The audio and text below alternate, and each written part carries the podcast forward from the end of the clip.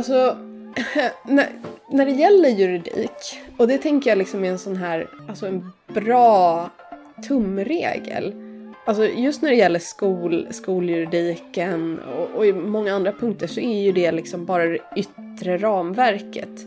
Juridiken säger inte hur du ska agera. Utan det, liksom, det sätter de yttre kanterna. Det är ju som hastighetsbegränsningar typ. Bara för att det står 110 på en motorväg så betyder inte det att du ska köra 110. Du kan köra 100.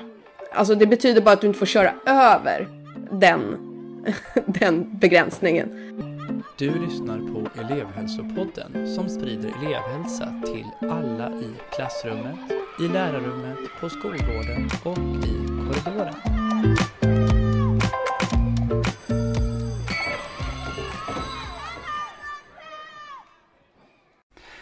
Hej och välkomna tillbaka till eh, elevhälsopodden. Det är ju en podd som görs i samarbete mellan Uppsala kommuns centrala elevhälsa och eh, grundskolans utvecklingsenhet. Jag som pratar heter Stefan Boström och är legitimerad psykolog. Idag ska vi ju prata om juridik och eh, närmare bestämt om skoljuridik. Eh, för även om vi som jobbar i skolan är experter på att på olika sätt hjälpa elever att utvecklas så behöver vi förhålla oss till lagar som reglerar skolans verksamhet. Och det ska vi prata om med Maria Refors Lägge. Välkommen till Elevhälsopodden! Tack så mycket! Trevligt att få vara här. Ja, det ska bli jättekul att få den här pratstunden mm. tillsammans med dig. Mm.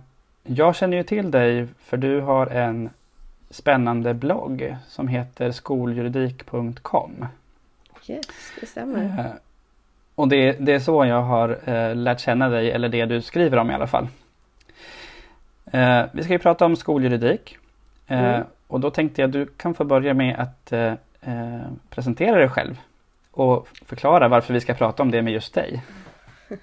Absolut. Nej, men jag är eh, doktorand i utbildningsrätt vid juridiska fakulteten vid Stockholms universitet. Ehm, jag har forskat om ja, skolrättsrelaterade frågor sedan 2015 ehm, och jag är i slutfasen utav mina eh, doktorsstudier just nu då. Eh, mitt expertområde är ju eh, kränkningar och diskriminering i skolan så det är liksom huvudämnet för min forskning men jag undervisar även på lärarutbildningen på Stockholms universitet och på rektorsprogrammet, det som drivs av Stockholms universitet då, och även på kurs i barnrätt på juristlinjen och, och lite annat sånt där som relaterar till eh, skoljuridiska frågor då. Eh, och jag har, ehm, eller håller för tillfället på att skriva en bok om skoljuridik för lärare och lärarstudenter som ska hålla någon form utav ja, men lite lättare inträde till, till det här ämnet rent allmänt och då kan man ju prata om ja, men väldigt brett vad som gäller juridiken i skolan. Så att jag har eh, hållit på ganska länge med ganska breda frågor på eh, skolrättsliga området. Just det. Du beskriver att du, du utbildar eh, lärare och skolfolk en hel del. Jag tänker mig att det är en ganska stor del som skoljurist eller kunnig inom det området att förklara lagen eh, eh, för de som ska de som regleras av den. Jo, nej men det stämmer. Det är, ju, det är ju lite skillnad på att undervisa jurister och juriststudenter och på att undervisa specialister på ett särskilt område. För dels så är det ju så att lärarstudenter har väldigt, ja, många av dem har varit ute på praktik när jag håller i min utbildning. Eh, många av dem har jobbat i skolan innan de så att säga eh, skaffar sin lärarlegitimation eller har jobbat vid sidan av och sånt där. Så att de kommer ju in med praktiska erfarenheter eh, som utmanar rätten. För när man ut, utbildar jurister då är det ju ganska mycket så här att du kan ju bara undervisa om lagens bokstav liksom. Så här står det, här hittar du den här källan och sen så går man vidare liksom. Eh, för vi undervisar ju juriststudenterna i den juridiska metoden. Det handlar ju om hur man liksom hittar i rättskällorna och så vidare. Men när det gäller lärarstudenter och även rektorerna då, då är det ju, alltså det utmanas ju utav konkreta fall. Att det här har jag varit med om, hur ska jag lösa det här med dina liksom rättsliga verktyg. Vad säger lagen om den här konkreta situationen? Och då kan det ju vara så att man liksom får säga att nej men, lagen säger att du borde göra så här. Och då kan ju svaret bli, ja fast det går inte i den här situationen. Och det är ju ganska speciellt. Liksom. Ibland så får man, när liksom, man utmanas utav verkligheten, liksom, helt enkelt konstatera att ibland så räcker inte lagen till. Liksom. Mm. Eh, och det är ju ganska som utbildare och det tror jag att eh, lärarna också kan känna igen sig i. Liksom, rätt frustrerande att inte kunna leverera ett klart svar. För det är det jag vet att mina studenter vill ha. De vill ju ha en så här, ja men om situation A inträffar då agerar jag på det här sättet. Mm. Och så har jag löst den liksom. Och då kan mitt svar ibland bli, ja fast vi vet inte hur du borde göra i den här situationen. Tyvärr det beror på kanske? Ja, det är en så här typisk juristklyscha men tyvärr är den ju faktiskt eh, sann ganska ofta. Mm. Men, ja, men du pratar om det här med när liksom eh, praktiken i skolan möter juridiken. Och juridiken mm. ska vara någon typ av stöd eller eh, ledstång. Eh, vad, vad tänker du att vi skolfolk ska tänka när vi läser lagtexten eller lyssnar på dig som jurist? Ja, alltså till att börja med så tänker jag att som lärare så ska man nog i första hand vara liksom inriktad på sitt pedagogiska uppdrag och på något sätt liksom vila i att strukturen runt omkring dig, det vill säga din rektor eller din skolchef eller kommunen du är anställd hos eller den privata skol, skolan som du är anställd hos, att de har strukturer och liksom invanda sätt att agera på som i huvudsak följer lagar och regler. Jag tycker att i så stor utsträckning som möjligt så, så ska lärare inte behöva vara jurister. Sen så ska man ju liksom där tillägga då att ibland så inträffar det ju situationer i skolan där det inte känns rätt. Och då tror jag att skollagen kan vara ett stöd eller en ledstång liksom. Så inte till vardags men i särskilda situationer. Mm. Just det. Och, och, är det då att det är då som den kan vara ett stöd i första hand? Mm. När någonting avviker från det normala? Ja, och alltså ofta när man diskuterar skol, alltså lagen i skolsammanhang så blir det som att det är ja, men, du måste göra så här för det står i skollagen eller du kan bli av med din lärarlegitimation eller an, bli anmäld till eh, ja, den och den myndigheten och så vidare. Och att det liksom blir ett hot. Men jag tror att man också kan tänka på skollagen som en resurs i läraryrket eh, för att det finns ju ganska många situationer eh, där lärare kan känna press utifrån att agera på ett visst sätt. Eh, exempelvis från vårdnadshavare eller från rektorer eller från kollegor eller från elever. Liksom att, ja, men det kan ju handla om att ändra ett betyg exempelvis. Då kan man hänvisa till skollagen och säga att nej men det är jag som sätter betyg, det är jag som ska bestämma. Rektorn får inte gå in och ändra utom i vissa exceptionella fall. Liksom. Just det, så att det på något sätt eh, eh när man blir lite osäker eh, på hur, hur det ska vara eller hur det borde vara i mm. verkligheten, i ens praktik. Då kan lagen ibland tjäna som Ja men att det liksom reglerar den relationen till exempel med mm. en förälder eller relationen mellan mm. lärare och rektor. Mm. Att det liksom, ah just det, det är så här vi ska ha det. Mm. och så kan det hjälpa relationen vidare. Och det som du sa där i början också varför vi ska hur vi kan använda skollagen. Att om man känner att nu har det verkligen blivit tokigt. Mm. Eh, då, kan, då kan det ju eh, lagen bli ett stöd i att faktiskt reda ut lite mera ordentligt vad det är som ja. gäller. Liksom. Ja. Um, du hade ju en fråga liksom vad, ja, men vad man som lärare ska tänka på när man lyssnar på en jurist. Mm. Uh, um, och där så tänker jag att en ganska viktig sak att ha men, känna till eller kanske tänka på är ju att jurister är ofta specialister på ett specifikt område. Alltså lite som läkare. Um, så att om man har en kommunjurist exempelvis, som förhoppningsvis de flesta har, eller kanske en jurist på det företaget man jobbar, eh, om man är på en privatskola liksom. Så det är inte säkert att den juristen är utbildningsrättare. Eh, när det gäller kommunjurister så kan det väldigt mycket väl vara så att de kanske är experter på upphandling eller på plan och bygglagen, speciellt om det är en mindre kommun och man kanske bara har en jurist. Mm. Då är det inte säkert att skoljuridik är deras liksom starka, um, starka sida. Det är liksom, ja, man kan ju göra en, en jämförelse med läkaryrket där liksom att ja men du skulle inte gå till en öron, näsa, halsläkare om du har brutit ett ben. Utan då vill du ju antagligen träffa en ortoped liksom. Kommunjuristen eh, kan faktiskt ha fel också. Jag menar det händer ju mm. oss eh, jurister precis som alla andra människor. Um, jo, jag har ju skickat lite frågor till dig i förväg utifrån mina intresseområden. Jag jobbar mm. ju till vardags, inte bara med Elevhälsopodden utan framförallt på i särskilda undervisningsgrupper och jag jobbar mycket med barn som har stora svårigheter i skolan. De mm. får, alla får särskilt stöd. Och eh, de har ofta också starkt utmanande beteenden. Mm. Så Det är någonting som jag jobbar mycket med och som jag försöker stötta personal i. Mm. Eh, och då har det hänt ibland att jag eh, har, har tänkt att jag behöver söka svar i hur vi ska göra i skoljuridiken. Eller att någon annan kommer till mig med och säger ja men det står ju så här i skollagen. Betyder inte det att jag då ska hmm, när jag träffar en elev? Um, yes. Och då har jag ibland snubblat in på din, uh, din blogg skoljuridik.com. Men jag tänkte att vi skulle smalna in oss lite grann.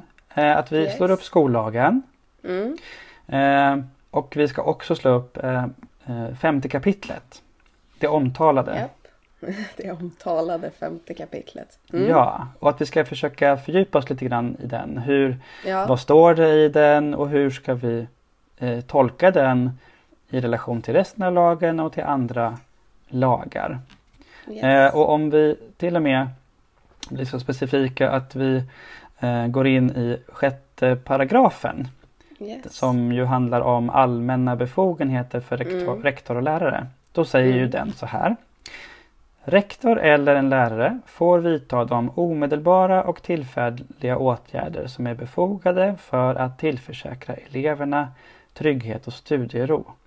Eller för att komma till rätta med en elevs ordningsstörande uppträdande.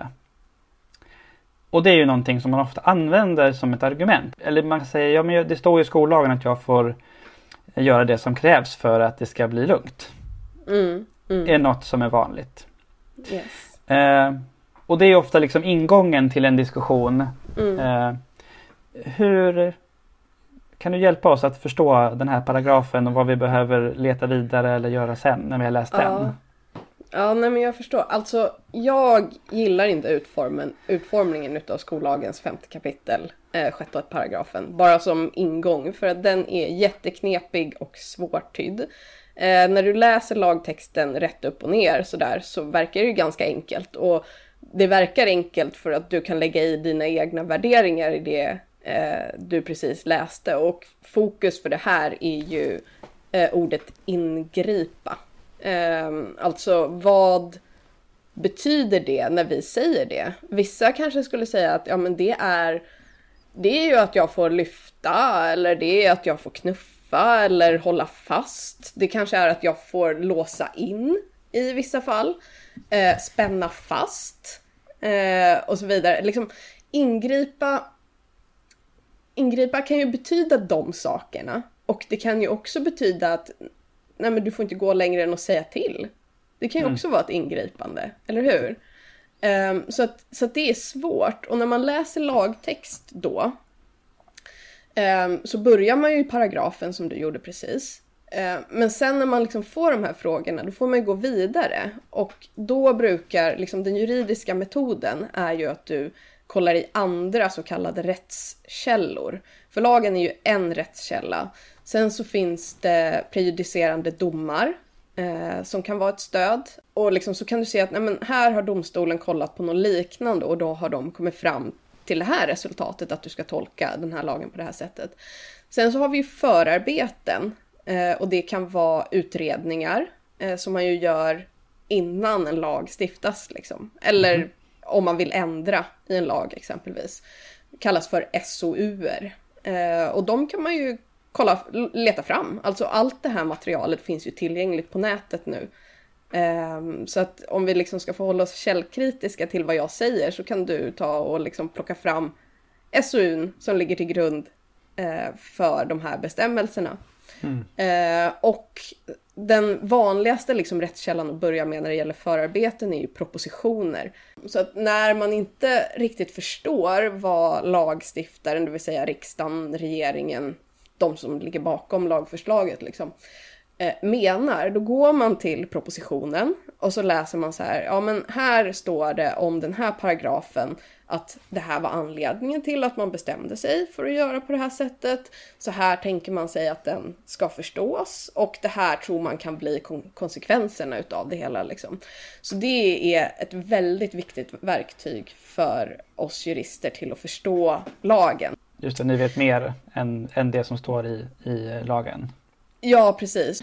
Ehm, men så om vi tar 5-6 i skollagen då, det är så jag förkortar skollagens femte kapitel, sjätte paragrafen, mm. bara så vi ja. liksom är, är, är, med på det. Ehm, då är förarbetena kring just den paragrafen ganska förvirrande. Ehm, men man skriver att 5-6 inte ska ses som en begränsning utav tillsynsplikten. Och det står också att den ska ge lärarna den här befogenheten att ingripa i ordningsstörande situationer. Um, man förklarar däremot inte något ytterligare vad det här ingripa var. Och det var ju det som var problemet när vi läste lagen, lagtexten till att börja med, eller hur? Mm, att vi inte mm. liksom förstår hur långtgående det ska tolkas. Um, och sen när man liksom har understrukit det här med att lärare ska ha lätt och, rätt att ingripa och så vidare i ordningsstörande situationer, då skriver man också att Ja, fast ingripandet får inte vara sånt att det står i strid med barns och elevers grundläggande fri och rättigheter, så som de ställs upp i regeringsformen. Och regeringsformen är ju en av våra grundlagar. Och i andra kapitlet där så finns våra grundläggande fri och rättigheter. Och då är det en specifik paragraf, eh, 2.6 i regeringsformen, som eh, eh, uttrycker att vi i Sverige har rätt att bli skyddade från påtvingade kroppsliga ingrepp från mm. staten. När en lärare är i sin tjänsteroll, liksom, då är man en representant för det allmänna. Eh, staten, kommun, landsting. Och då innebär ju 2.6 i regeringsformen att lärare inte får ingripa fysiskt mot elever. Alltså det är förbjudet enligt grundlagen.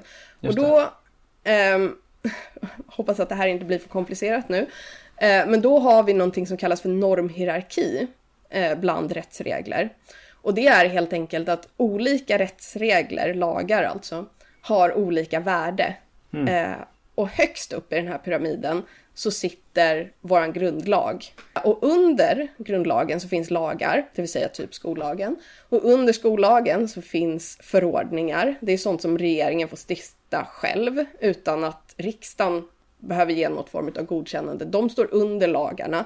Under förordningarna så har vi föreskrifter från olika myndigheter. De måste vi också följa. Um, och under det så kan man ha olika typer av ja, men allmänna råd och så vidare. De binder inte oss rättsligt egentligen. Det är rekommendationer för hur man bör agera. Eh, kan vara väldigt starka indikationer ibland, men det är inte, vad ska man säga, ett uttryck för gällande rätt. Eh, alltså vad vi måste följa. Mm. Eh, så här, den här normhierarkin betyder att skollagen, den får inte stå i strid med regeringsformen, för den ligger under regeringsformen i den här normhierarkin. Mm. Så betyder det då att vi inte får eh, eh, begå några kroppsliga ingrepp? Vad det nu var som stod där. Ja. Eh, ja. Inom ramen för de omedelbara tillfälliga åtgärderna i skollagen? Ja, ja ska vi säga där. För då är det så att i regeringsformen så står det i 2.20 att man får göra undantag medelst lag från den här eh, huvudregeln om förbud mot påtvingade kroppsliga ingrepp. Så poliser exempelvis, om man kollar i polislagen så har de i tionde paragrafen ett mandat att använda våld mot enskilda. Det står där och det står också under vilka, i vilka situationer de har tillåtelse att göra det.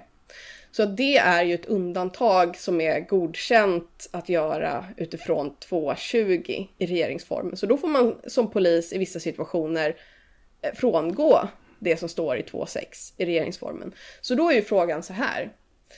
Är 5.6 i skollagen, det vill säga de allmänna befogenheterna som du läste upp där alldeles nyss, är de ett undantag enligt 2.20 i regeringsformen Ja. som är godtagbart så att du kan få strunta i vad som står i 2.6.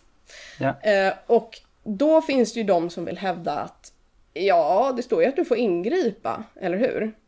Eh, då gör man det lite för lätt för sig. För att om du nu ska få agera med våld mot enskilda, om du ska göra ett undantag enligt 2.20 i regeringsformen, eh, då tror jag, jag tror att det är 2.23 i regeringsformen som liksom anger att det ska vara ganska särskilda, liksom, särskilt påkallade skäl till att du ska få göra, för att man liksom ska få göra det här undantaget. Och då vill jag åtminstone mena, eh, och jag skulle nog vilja påstå att det är liksom en rådande, vad ska man säga, sanning inom rättsvetenskapen. Men återigen, vi är inne i de här tolkningsgrejerna så att någon annan kan ju komma och säga emot mig. Men jag vill i alla fall häv- hävda att för att få göra en inskränkning utav grundlagen så behöver du ha det uttryckligt i lagtext. Så för att 5-6 ska vara ett giltigt undantag eh, egentligen så behöver det stå att läraren får använda fysiska maktmedel mot elever. Alltså det man då, om man säger att så här, ingripande är att det är okej för en lärare att lyfta en elev exempelvis. Det man säger är ju att det är okej att läraren agerar med våld mot elever. Mm och då tycker jag att det är otillfredsställande att inte i 5-6 eller ens i förarbetena till 5-6 är tydligt att det är det man menar. Mm. Ehm, för du kan heller inte sätta någon gräns om du inte vet vad det är du menar. Alltså ett ingripande som jag sa, för olika personer betyder, betyder det att man kan gå olika långt. Alltså Ja. det kanske är okej att fösa framför sig. Eh, Men en annan tolkar det som att nej, men det är okej att jag Ja. eh, knuffar eller slår. Eller, ja men, förstår du jag- vart jag vill komma Ja men någonstans? absolut. Och det är det som jag också möter att man eh, eh, lärare och skolpersonal vet ofta om att det står så här. Eh, Men Mm. att det är ju eh, men att det är ganska otydligt vad det egentligen innebär. Ja, Eh, och det är det. Och, och det är inte hjälpsamt. Tänk, där, I den delen tänker jag att skollagen inte är hjälpsam. Nej, det är den inte. Jag, jag håller med, som jag sa, jag gillar inte hur man har valt att utforma 5-6. Ja, Ehm, och ska jag bli lite konspiratorisk så tror jag att lagstiftaren kanske ville att någon form av lindrigare fysiskt våld ska vara godtagbart. När man nu så att säga införde 5-6. Att det var det man tänkte sig, att ja men lyft, eller för att det var ju liksom innan 5-6 kom till så hade vi hade ju samma problem liksom. Eh, och man uppfattade det från lärarhåll och även från juridiskt håll liksom som som otillfredsställande att det var på det här sättet, så man ville ha ett förtydligande. Men då ville nog inte lagstiftaren, eller vågade man inte gå så långt som att man liksom skulle införa ett mandat att agera fysiskt mot barn. För jag menar, det väcker ju tankar på liksom, vi avskaffade ju skollagen, vad var det, 58? Jag blir lite osäker nu liksom. Men jag menar, det, det ger ju de här ekorna, även om det liksom inte är det, det Ja. som är tanken. Så jag tror att det är vanskligt politiskt sett att försöka sig på den utformningen. just så då ville man nog inte gå så långt att Nej. man liksom rätt ut skrev det. Men då hamnar vi ju i den här situationen som vi fortfarande sitter i. Det vill Mm. Ja. säga att det, det går inte att säga. nej, Eh, just det. Precis, och, då, och då, då tänker jag så här att då pratar vi fortfarande bara om vad man får göra eventuellt. Mm. Men sen är ju frågan då vad man bör göra för att eh, mm. hjälpa eleven eller gruppen mm. för den delen. Och det är ju, och det, där eh, lämnar vi kanske juridiken lite grann. Där lämnar vi juridiken. Så. Alltså, för, för, det, för det är ju så, jag, jag kan ju inte säga någonting, alltså jag kan ju säga hur löser vi det här på ett rättsligt sätt? Eller vad är den rimliga tolkningen mm. eller lösningen utav det här problemet? Men jag kan ju inte säga någonting om att är det bäst för barnet eller för barnen som kollektiv grupp att vi har de här bestämmelserna. Nej. Att vi tillåter lindrigt våld exempelvis. Är det bra för barn? Eller är det bra för, det kanske inte är bra för individen, men skulle det vara bra för gruppen? Mm. Är det då en trade-off som vi är villiga att göra och så vidare? Det får andra vetenskaper, antagligen representanter för ditt skrå, svara på. Är ja. det liksom, är det värt det? Jag kan bara säga så här, vi skulle kunna göra det på mm. det här sättet. Mm. Mm. Just det. Ja men det är en bra distinktion tänker jag. Men, men okej, då är vi överens om, eller du, du har sagt att du tänker att eh, den här delen av skollagen kanske inte eh, hjälper oss i vad vi får göra. Men då, Nej. sen så blir ju eh, då, eh, nu tänker jag som lekman, då, då, då blir det ju så att då ibland så prövar man ju det i rättsfall. Ja. För mm. att liksom det är oklart för jag menar, är det klart vad man får göra då kommer ju inte det leda till, mm. till rättsprocesser. Nej, Men det precis. är oklart och då leder det till, mm. till ibland eh, att man prövar det här i rättsfall. Och det, det, senaste som är i alla fall allmänt känt det är ju det här mm. eh, SOF-fallet kan vi kalla det. Det finns ja. ju andra tidigare fall sedan ganska lång ja. tid tillbaka som också är intressanta. Men SOF-fallet är det senaste. Mm. Har någonting blivit tydligare i hur lagen ska tolkas och framförallt hur vi skolpersonal ska göra efter SOF-fallet. Kan du ta oss ja. genom det? um, ja, alltså det tråkiga svaret på den frågan är ju nej. Eh, tyvärr. Alltså det går inte att dra några allmänna slutsatser kring vad man får göra och inte får göra. Det framställdes ju lite som det i, i media som att åh nu vet vi för lärare eller vad ska man säga skolhuvudmannen Eh, fick ju inte betala, blev ju inte tilldömd att betala skadestånd till den här eleven som hade blivit eh, utsatt för det här lyftet då. Um, så då var det många, uh, vad ska man säga, debattörer i media som gick ut och sa att åh äntligen så vet vi att lärare får lyfta elever i de här situationerna. Um, och om man läser domen um, så det enda den säger egentligen är att den här läraren i den här specifika situationen fick agera på det här sättet. Och den här läraren var ju en ganska speciell individ för att han hade ju en form av expertkunskap i hur man lyfter folk mm. för att de inte ska göra illa sig. Han var ju för detta elitbrottare och det här lägger ju HD, alltså högsta domstolen då, stort fokus på i domen. Det här var inte en enig högsta domstol som kom med det här beslutet. Det var eh, en majoritet som ansåg att det inte var kränkande behandling. Mm. Eh, det var en eh, utav domarna som ansåg att det var kränkande behandling. Och det var en eh, utav domarna som ansåg att det visserligen var kränkande behandling men att det inte var tillräckligt allvarligt för att det skulle liksom leda till skadestånd. Um, så, att, så att det var liksom en väldigt, man, utfallet hade kunnat bli um, väldigt olika där. Nu förde du in ett nytt expertord här, eh, kränkande behandling. Och då funderar jag kring, eh, och, och, du pratar om det här med skadestånd som jag har förstått inte är kopplat till läraren utan det är huvudmannen. Men, men eh, är inte kränkande behandling en annan del av skollagen eller är det samma sak som allmänna befogenheter? För jag, jag tänker att man kanske blandar ihop det här också lite grann. Alltså, kränkande behandling regleras ju i sjätte kapitlet i skollagen. Ja. I 6.3 så står det vad som är kränkande behandling. Um, och det är inte heller klart. Det är det min forskning handlar om. Mm. um, men det, det, det, det, är, det är sant att de uh, styrs på olika, uh, eller utav olika kapitel i skollagen. Men det är så att om en lärare går utöver sina befogenheter i 5-6 eh, så att man kränker eleven. Och kränkande behandling kan ju vara ja, fysiskt, slag, lyft, knuffar, hej och mm. Om det läraren gör inte kan bedömas falla under 5-6 i skollagen, mm. då har du ju gått utöver vad du får göra och då kan det bedömas som kränkande behandling enligt mm. 6.3 i skollagen. Och ah. när, när en lärare kränker en elev enligt 6.9 i skollagen, eh, så, alltså det är förbjudet enligt 6.9. Eh, det är ett totalförbud på att lärare eller skolhuvudmän eller rektorer, skolpersonal, mm. kränker elever.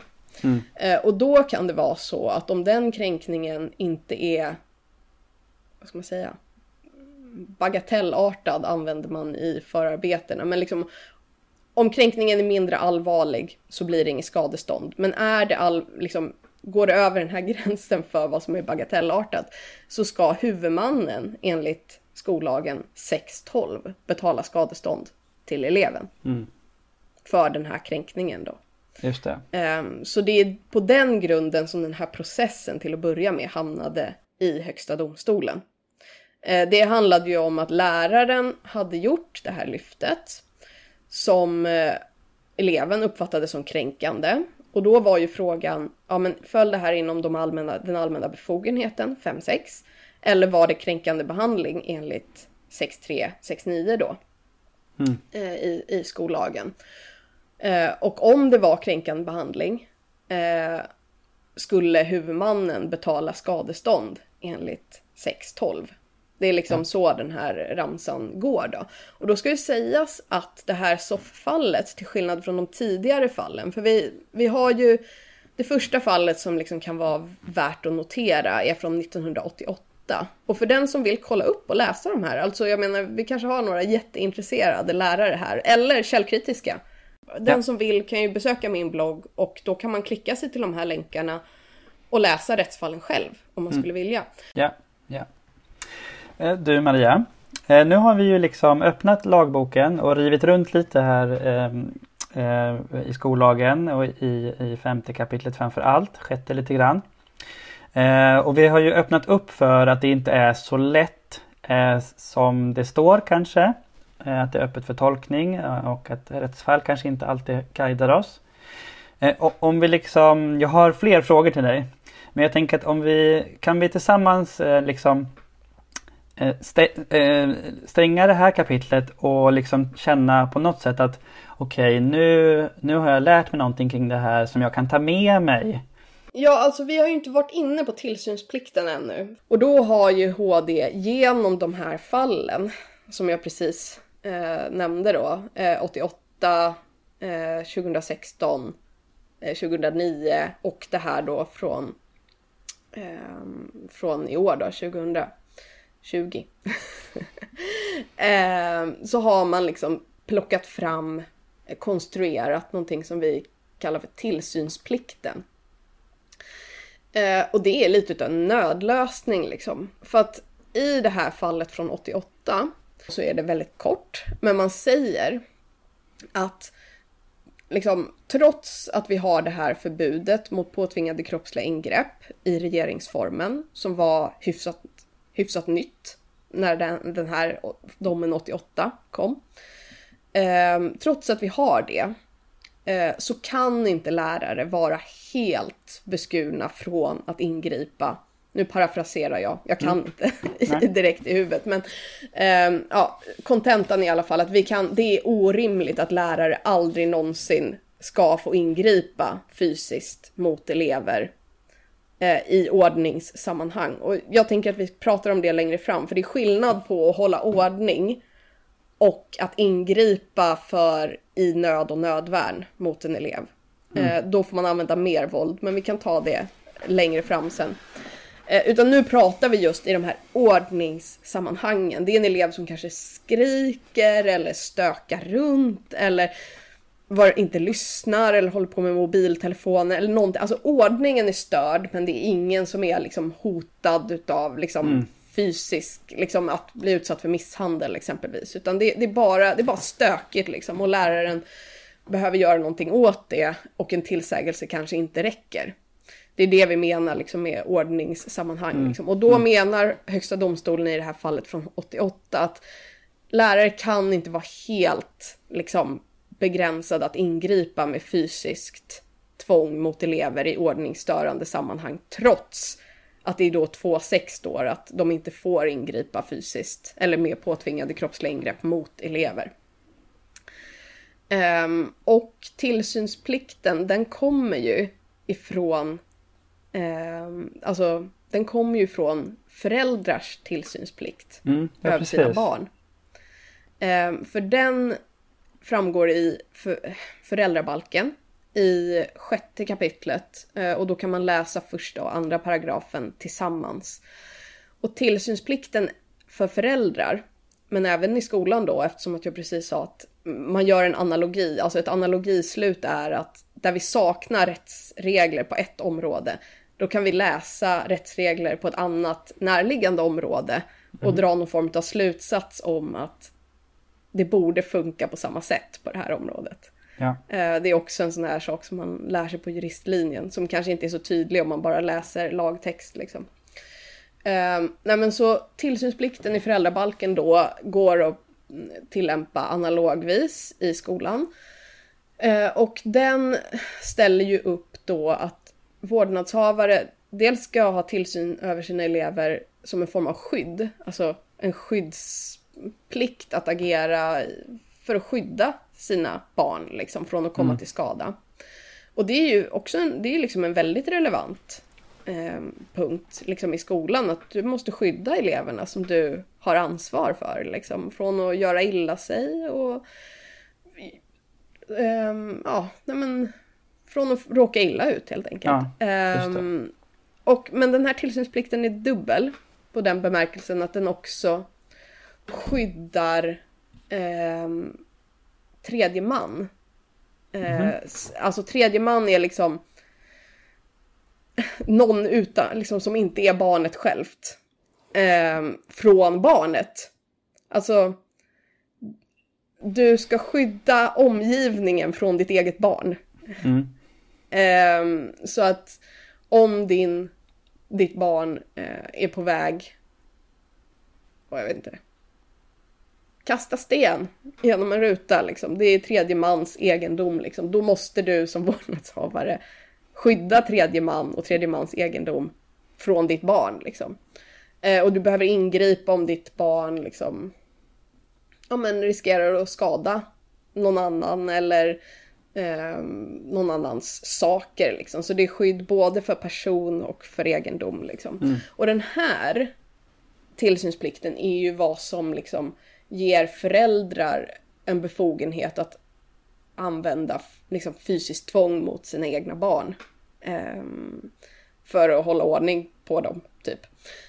Um, och liksom, ja men, lyfta iväg din uh, tvååring uh, när han eller hon uh, gör på något sätt som han eller hon inte mm. får. Det finns ett utrymme här att agera. Mm. Hur långt det är, är lite otydligt. Mm. Men det finns i alla fall. Eh, och det här genom domstolsavgöranden då, som det är från 88, och genom förarbeten, det står i vissa förarbeten att det här liksom samma ska gälla i skolan. Mm. Um, och i myndighetsbeslut från Skolverket och Skolinspektionen så vet vi att tillsynsplikten så att säga finns i skolan också. Så lärarna har samma skyldighet att skydda elever och att skydda andra från elever.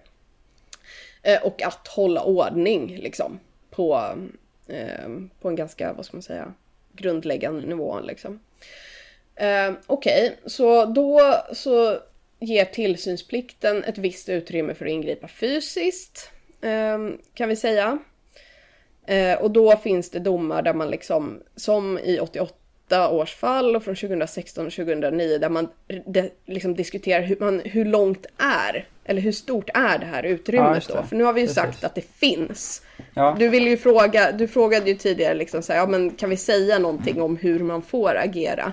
Ja. Eh, är det helt förbjudet att ingripa fysiskt mot elever? Och om man tittar på tillsynsplikten då så är svaret på den frågan nej.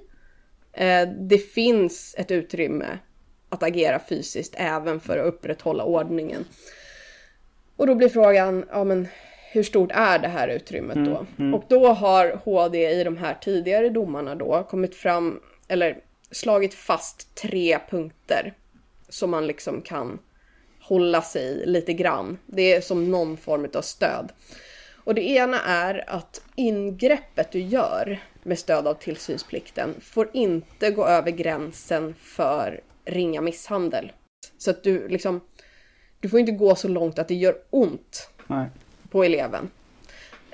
Um, och inom då ramen är för det, tillsynsplikten? Inom ramen för tillsynsplikten, precis. Mm, mm. Um, så att om du skulle lyfta en elev väldigt våldsamt, eh, exempelvis, så att eleven kanske slår i väggar eller liksom sådär. Mm. Du lämnar blåmärken efter, liksom efter ditt tag eller ditt grepp. Ja men då är du antagligen över gränsen. Men om du har ett lyft där eleven liksom inte slår i sig, inte får några varaktiga liksom, märken som man kan på, mm. liksom, peka på. Ja men då skulle det antagligen eh, vara liksom, acceptabelt. Mm. Typ. Du, du, du märker hur svävande jag är men jag försöker liksom sätta ner någon form av liksom rimlig ja. eh, gräns ändå. Så att, men så det är liksom första, de här första av de här tre kriterierna som ändå eh, går att utläsa, liksom utläsa utav, utav det här. Och det andra är att det får inte vara en form av bestraffning. Ja. Det du gör med stöd av tillsynsplikten. Så en elev som kanske beter sig ordningsstörande på lektionen. Men som efter en tillsägelse, säg, slutar mm. med det. Då får inte du med stöd av tillsynsplikten lyfta ut den här eleven. Mm. Eh, för det blir mer ett straff än en faktisk konsekvens utav att eleven stör liksom. Ja. Eh, och för att knyta an till det, det tredje kriteriet är att det måste vara proportionerligt. Alltså ditt fysiska ingripande får inte eh, stå i, vad ska man säga, disproportion till vad eleven har gjort. Så att jag menar, har du en elev som kanske inte är uppmärksam på, eh, liksom, på lektionen, men i övrigt liksom inte ja, men, inte, inte stör speciellt allvarligt. Kanske sitter med sin penna och liksom tappar lite mot, mot bordet så här. Eller inte kan sitta still och liksom skaka på stolen eller någonting. Jag menar, i förhållandevis rätt milt liksom. Då är kanske en tillsägelse proportionerligt liksom. Att vill du vara snäll? Det, det stör dina kamrater. Kan du eh, sluta med det där liksom? Um, du, trots att eleven stör så skulle det vara oproportionerligt att du med en elev som sitter och liksom så här tapp, tapp, tapp, tapp, tapp på liksom eh, på bänken lyfter ut honom eller henne liksom. Um, att det är liksom inte i, i proportion till den här ordningsstörningen. Däremot har du en elev som liksom klättrar på på stolen, kastar saker på sina kamrater eller liksom sitter och skriker eller spelar hög musik på mobilen. Jag menar, då kanske du behöver trappa, alltså då kan det vara okej att trappa upp, vad ska man säga, det du gör för att liksom utöva din tillsynsplikt eh, i förhållande liksom. Så det, och det där är ju ganska, det är ganska mycket en magkänsla, men de här, de här tre punkterna är i alla fall någon form av ram som vi får röra oss inom. Så att skulle jag liksom säga, mm. försöka ge något konkret svar, så är det så här, i allmänhet får du som lärare inte ingripa mot elever med fysiskt våld. Eh, I vissa situationer när det är eh, ordningsstörningar så får du eh, med liksom fysiskt tvång eh, exempelvis föra ut en elev ur klassrummet. Mm. Du får inte gå så långt att det gör ont på eleven. Och det här kan ju bli komplicerat om eleven sätter sig till motvärn. Mm, mm. Alltså du, du hade, det hade blivit en mild liksom, fösning eller knuff. Men sen liksom, slänger sig eleven på golvet och Mm, liksom mm. Sprattlar och skriker. Och du behöver liksom hugga tag om anklarna och släpa ut honom därifrån. Ja. Eh, så att han eller hon liksom på grund utav att han eller hon inte ligger still slår i bord, stolar och, och så vidare. Ehm, då skulle jag säga att det är liksom tveksamt om det ryms inom eh, tillsynsplikten. Speciellt inte om eleven kommer till skada i den situationen. Liksom. Och här kanske vi närmar det här som jag tänker är mer ditt expertområde, det vill säga elever med utmanande eller liksom Mm, utåtagerande beteenden som kanske svarar på fysiska ingripanden med att bli ännu mer våldsamma eller ännu mer utåtagerande så att de riskerar att skada både sig själv, själva eller eh, sina klasskamrater eller vad det nu kan vara. Eh, och det här, här tänker jag att juridiken inte kan hjälpa oss så mycket mer. Utan liksom här får man nästan säga att det blir en professionell liksom eh, av liksom bedömning. Vad- Hur, vad vet vi om den här eleven? Liksom, hur, hur reagerar han eller hon på den här typen av fysiskt våld? I det här stofffallet så visste ju inte läraren om, för den här eleven i det fallet hade ju en NPF-diagnos. Eh, med trotssyndrom tror jag inslag utav. Men det visste inte läraren. Precis, att vi kan man säga att det som du har sagt nu i, det sista resonemanget att, att jag kanske enligt um, tillsynsplikten så får vi göra vissa Mm. begränsningar. Ja. Ehm, men mm, Men vad du vet om eleven påverkar ju också det här. Mm. Det är väl kanske Mm. det som är liksom så här. Och också om vi nu ska dra någon lärdom. Jag sa ju precis att, eh, att vi inte visste så mycket mer efter det här sofffallet. Men en sak som vi faktiskt kan säga är ju att den här läraren han visste inte om den här elevens speciella diagnos och därför bedömde inte HD det. Ja. Alltså Ja. fallet utifrån det man visste om den här eleven. Men Mm. hade läraren vetat att eleven hade trotssyndrom, inte svarade bra på den här typen utav liksom tillsägelser och liksom nej. så vidare. Då hade det kanske bedömts annorlunda om läraren trots sin kunskap om det här hade agerat med våld eller en metod som man visste skulle få motsatt effekt. Ja, Det precis. säger inte HD någonting om. Ehm, men det är en slutsats som jag tror att man ändå kan, kan dra. Liksom. Mm. Så att, jag vet inte om vi blir jättemycket klokare. Men om man ska säga vad som är lämpligt. Vad som är lämpligt är ju annat än vad som är förbjudet juridiskt. Liksom. Ja men precis, som du har, du har liksom landat i att eh, vi, vi får göra vissa saker eh, Mm. inom väldigt tydliga, eller inte tydliga men eh, inom ändå rimliga gränser. Ja. Eh, till exempel vi får inte misshandla någon. Eh, eh, men det kanske inte eh, det kanske inte säger att vi bör göra det utan vi bör, behöver eh, känna till enskilt fall som, hjälp, som snarare guidar oss kring vad vi bör göra. Och det är ju det är här juridiken lämnar över till lärarprofessionen, eller hur? Liksom. Det är ju så här, det här kan inte juridiken svara på. Det här måste du som lärare som är utbildad, eller du som elevassistent, eller du som psykolog, del av elevhälsoteamet, kurator eller what have you. Liksom. Det är här din tolkning. Så där tänker jag att eh, ja, men alltså jag, jag har i allmänhet ett väldigt stort förtroende för skolpersonal. Att de med sin kunskap och med sitt sunda förnuft kommer att agera väl. Och det tänker jag att man måste Det är en viktig eh, uppgift för oss experter att liksom ingjuta mod i, i skolsverige. Att ni kan det här, eh, ni använder sunt förnuft, då kommer det bli bra. Sen som du sa i början det här med att när det avviker, då ska man ju söka hjälp. Eh, Mm. och, och till exempel när det, ja men så här, ja, men får jag ta tag i den? Så här, det får jag ju inte, Mm. sä- säger du och det kanske inte säger Mm. lagen. Men när vi pratar om det här med proportionalitetsprincipen, Ja. då tänker jag att i, mång, i de fallen när man verkligen blir osäker som lärare om jag får göra det här. Mm. Då är det väldigt, då, då tänker jag att den är svår att tillämpa för att ja okej, okay, jag får kanske använda lika mycket våld mm. som du gör.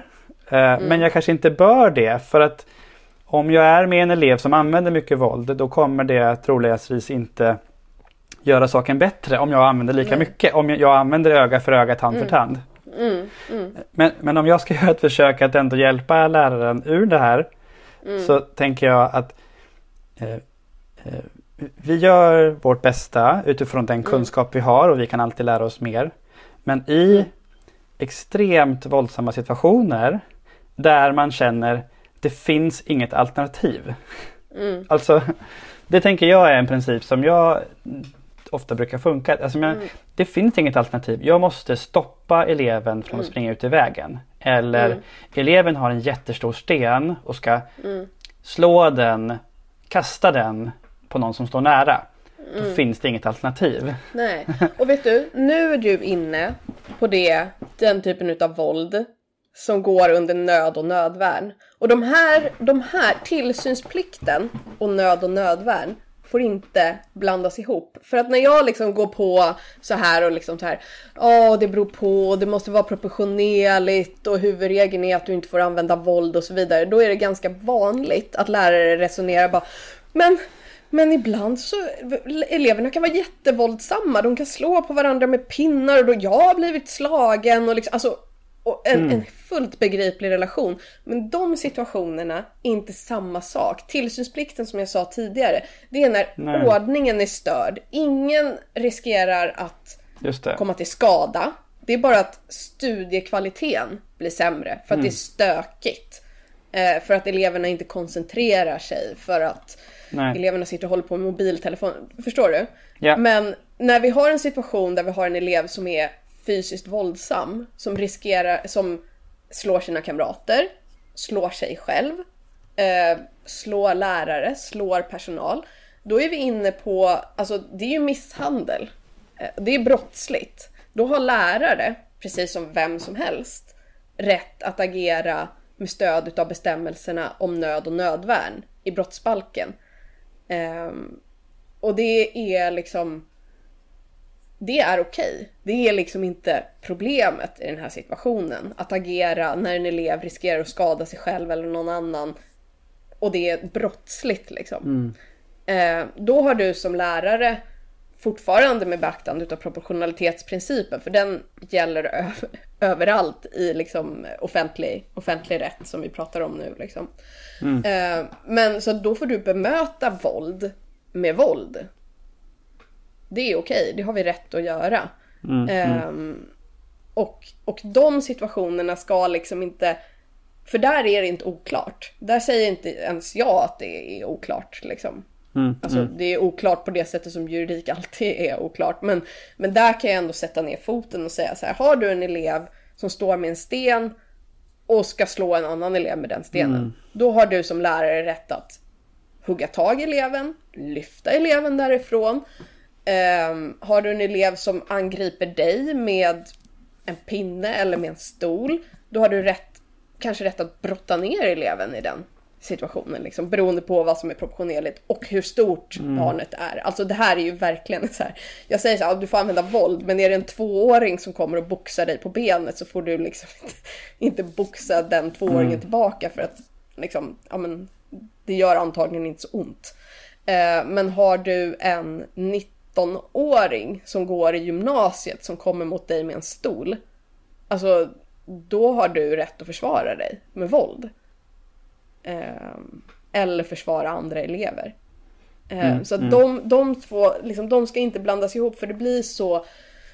Alltså, det blir så fel när lärare tror att de inte får agera för att skydda sig själva eller andra. Att de är helt maktlösa där Alltså ur, ur en, liksom en, och liksom typ bara få gå och låsa in sig i ett rum eller någonting i den stilen. För så är det inte.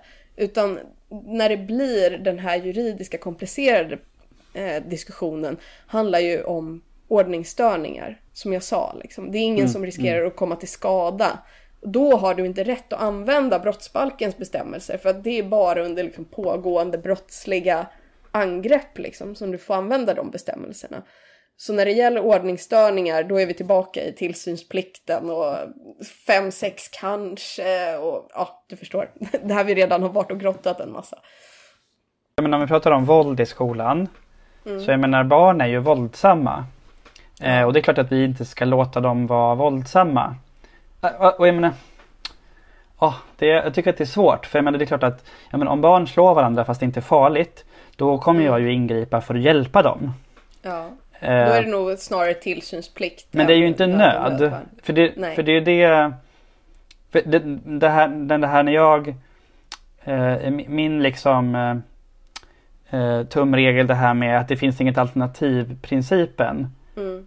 Det är det jag tänker att om man, alltså som när jag utbildar lärare, att när, de, när man är så, alltså man, man försöker ju hela tiden göra det som är bäst. Alltså mm med tillgång till ens kunskap och hjärna liksom försöker man hantera mm. det. Men sen så när man blir stressad och jättepressad mm. i en sån här farlig situation. Då flyger ju vettet liksom all världens väg. Och när man känner så här, men jag vet inte, nu, nu vet jag inte vad jag ska ta mig till. Mm. Eh, då behöver man ju göra det som behövs liksom. Ja.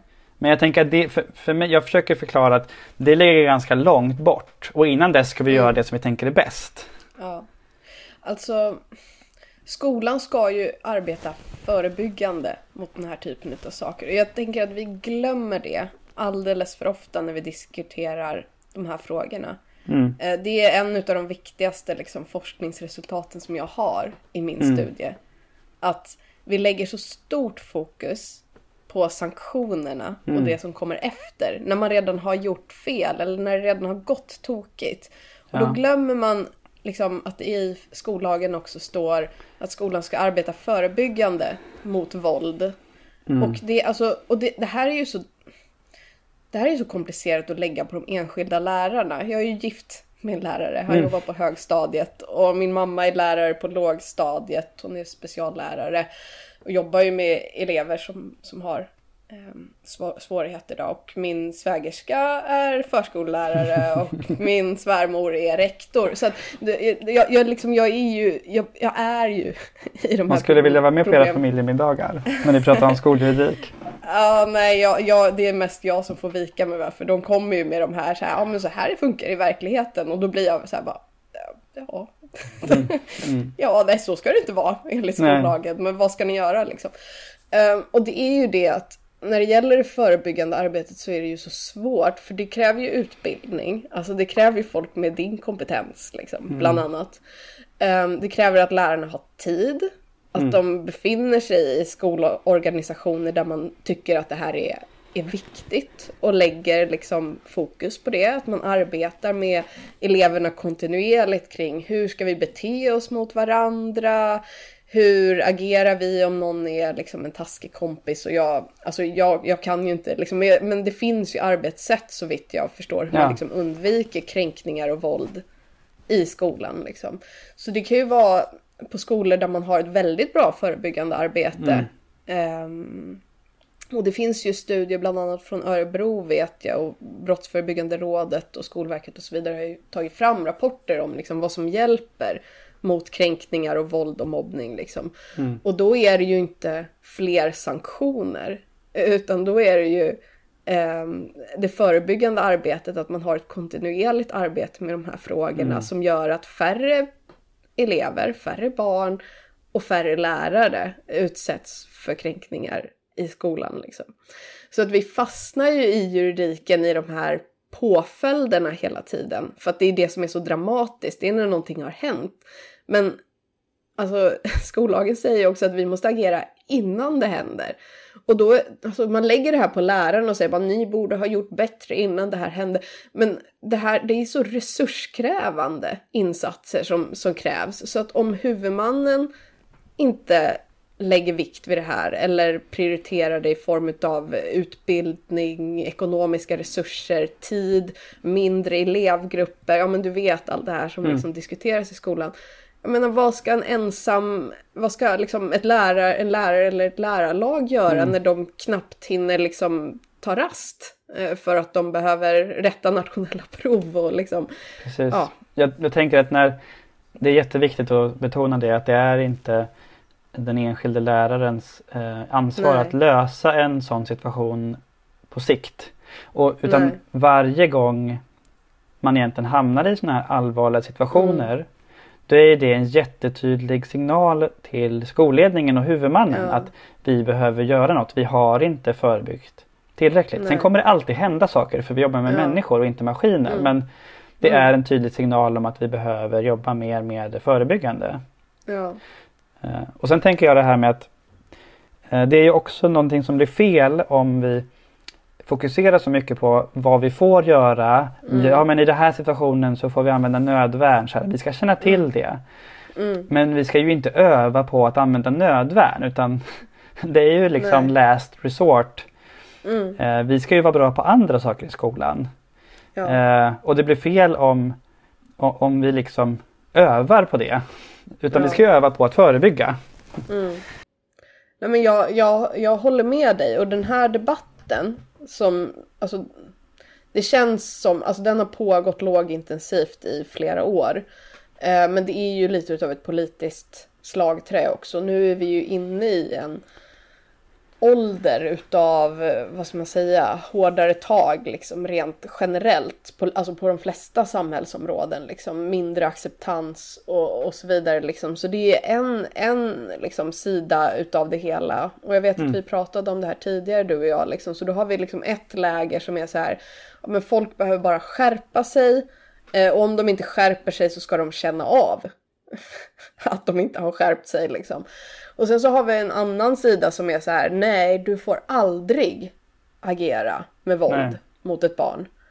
Ehm, ens i svår, alltså du ska bara vara passiv och liksom backa ner liksom. Ja, nej, och man kan ju förstå hur, båd, hur båda de här liksom, sidorna, när man hävdar dem så hårt, dels inte kan prata med varandra men heller inte lirar med lärarprofessionen. För jag menar hur goda intentioner du än har när du säger att du får aldrig, man får aldrig använda våld mot barn.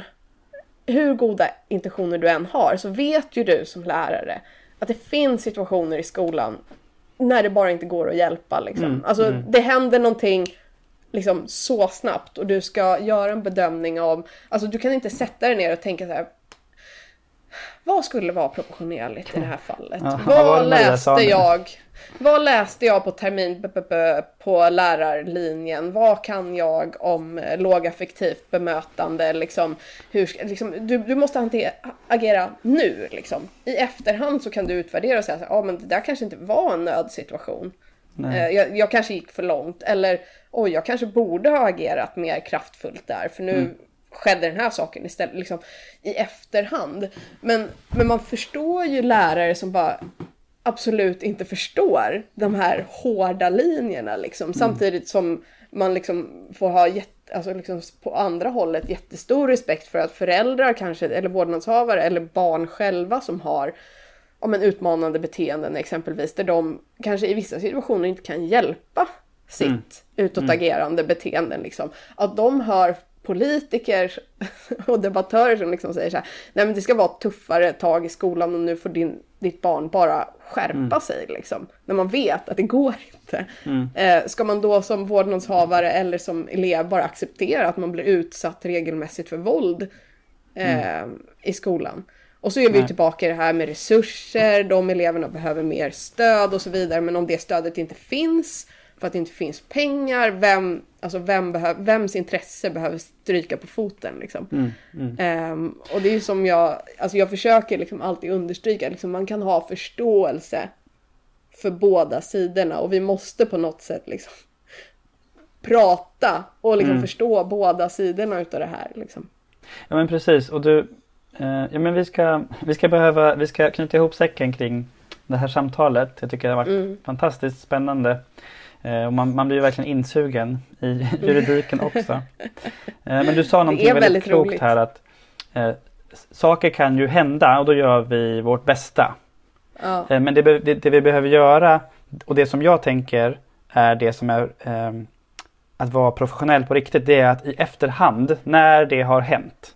Då Mm. sätter vi oss ner tillsammans och ser från olika perspektiv med hjälp av juridiken eller med hjälp Mm. av det pedagogiska kunskapen vi har Ja. eller med hjälp av psykologin.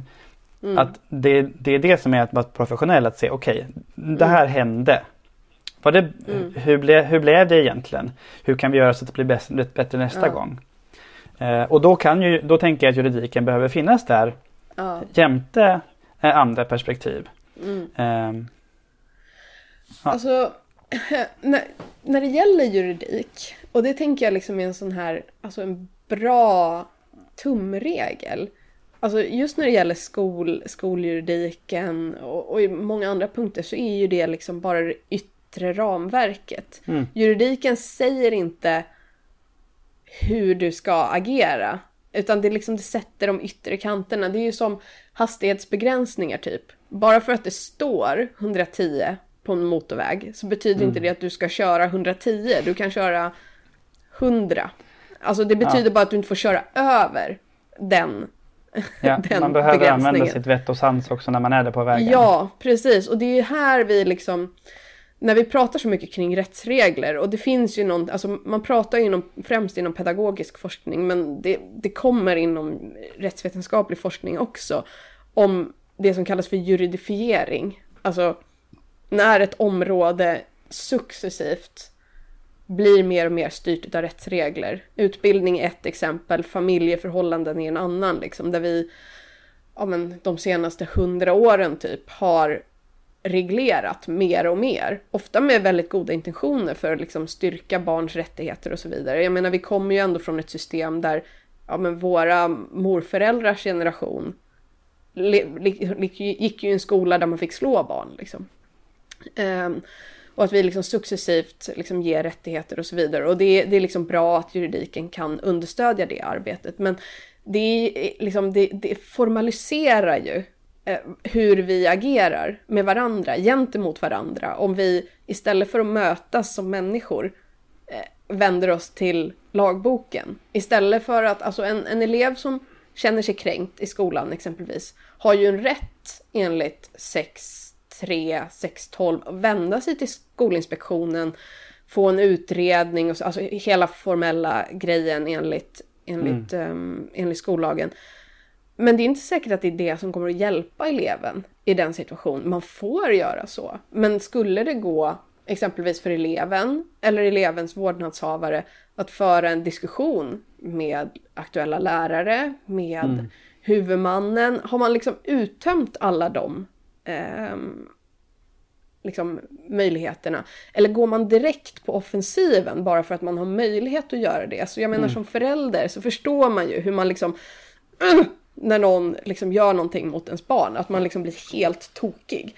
Och har man då möjlighet att liksom använda sig av någon form av metaforiskt baseballträ och liksom bara gå till attack, då är det säkert lätt hänt att man gör det. Men jag tänker så här, trots att mitt barn har blivit utsatt för någonting, det är inte okej att mitt barn har blivit utsatt för någonting, kan jag föra en diskussion med skolan kring det här? Vad var det som hände i den här situationen som skulle kunna göra att skolmiljön blir bättre för mitt barn? För det måste ju ändå vara det man vill. Och där kan inte juridiken hjälpa. Jag menar, ditt barn kanske kan få skadestånd, men kommer 5000 i skadestånd att göra din, ditt barns tillvaro i skolan bättre?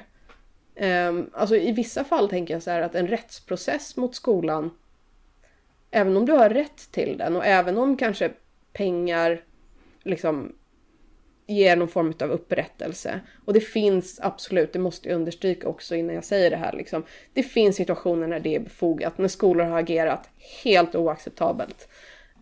Um, och där eleverna har, alltså där, där en rättsprocess är på sin plats. Liksom. Eh, men i många fall däremot så tror jag att en rättsprocess, trots att den ger eleven rätt, den läker ju inte liksom såren som, som finns där. Den kan till och med skapa någon form av polarisering där skolan eller lärarna eller vad det nu handlar om, de andra eleverna som kanske är ansvariga för kränkningarna, liksom känner sig angripna utav den här rättsprocessen och trots att liksom lärare ska agera professionellt och hela den biten så är vi ju inte mer än människor. Vad liksom gör det med lärarnas relation till den här eleven? Kommer eleven få en bättre skolgång, ett bättre bemötande för att man har fått ja, men 5 000 är en ganska vanlig liksom, ersättning från Skolinspektionen. Jag är tveksam på det och jag tänker att det är en sån här sak som man bör överväga trots att rätten finns. Liksom. Maria, jag tycker det var ett, eh, det var ett både eh, ödmjukt och eh, klokt svar. Mm. Som jag tänker att vi ska ta till oss. Ja. Men ehm, jag är jätteglad att vi fick den här pratstunden. Ja. ja, jag tycker att det varit jätteroligt att prata om det här. Det ger mig möjligheten att liksom göra en av de sakerna jag brinner för lärarutbildningen är bland det roligaste jag håller på med. Och få prata om de här sakerna med lärarstudenterna är liksom, alltså som min roll som utbildare på universitetet så är det det bästa. Lärarstudenterna är, är de bästa studenterna. Ja, ja vad bra. Um, och jag tänker att du behövs på universiteten eh, för att hjälpa lärare eh, i det. Eh, tack så jättemycket för att du var med Maria. Tack. Tack för att jag fick komma. Ja. Toppen. Hej då! Hej!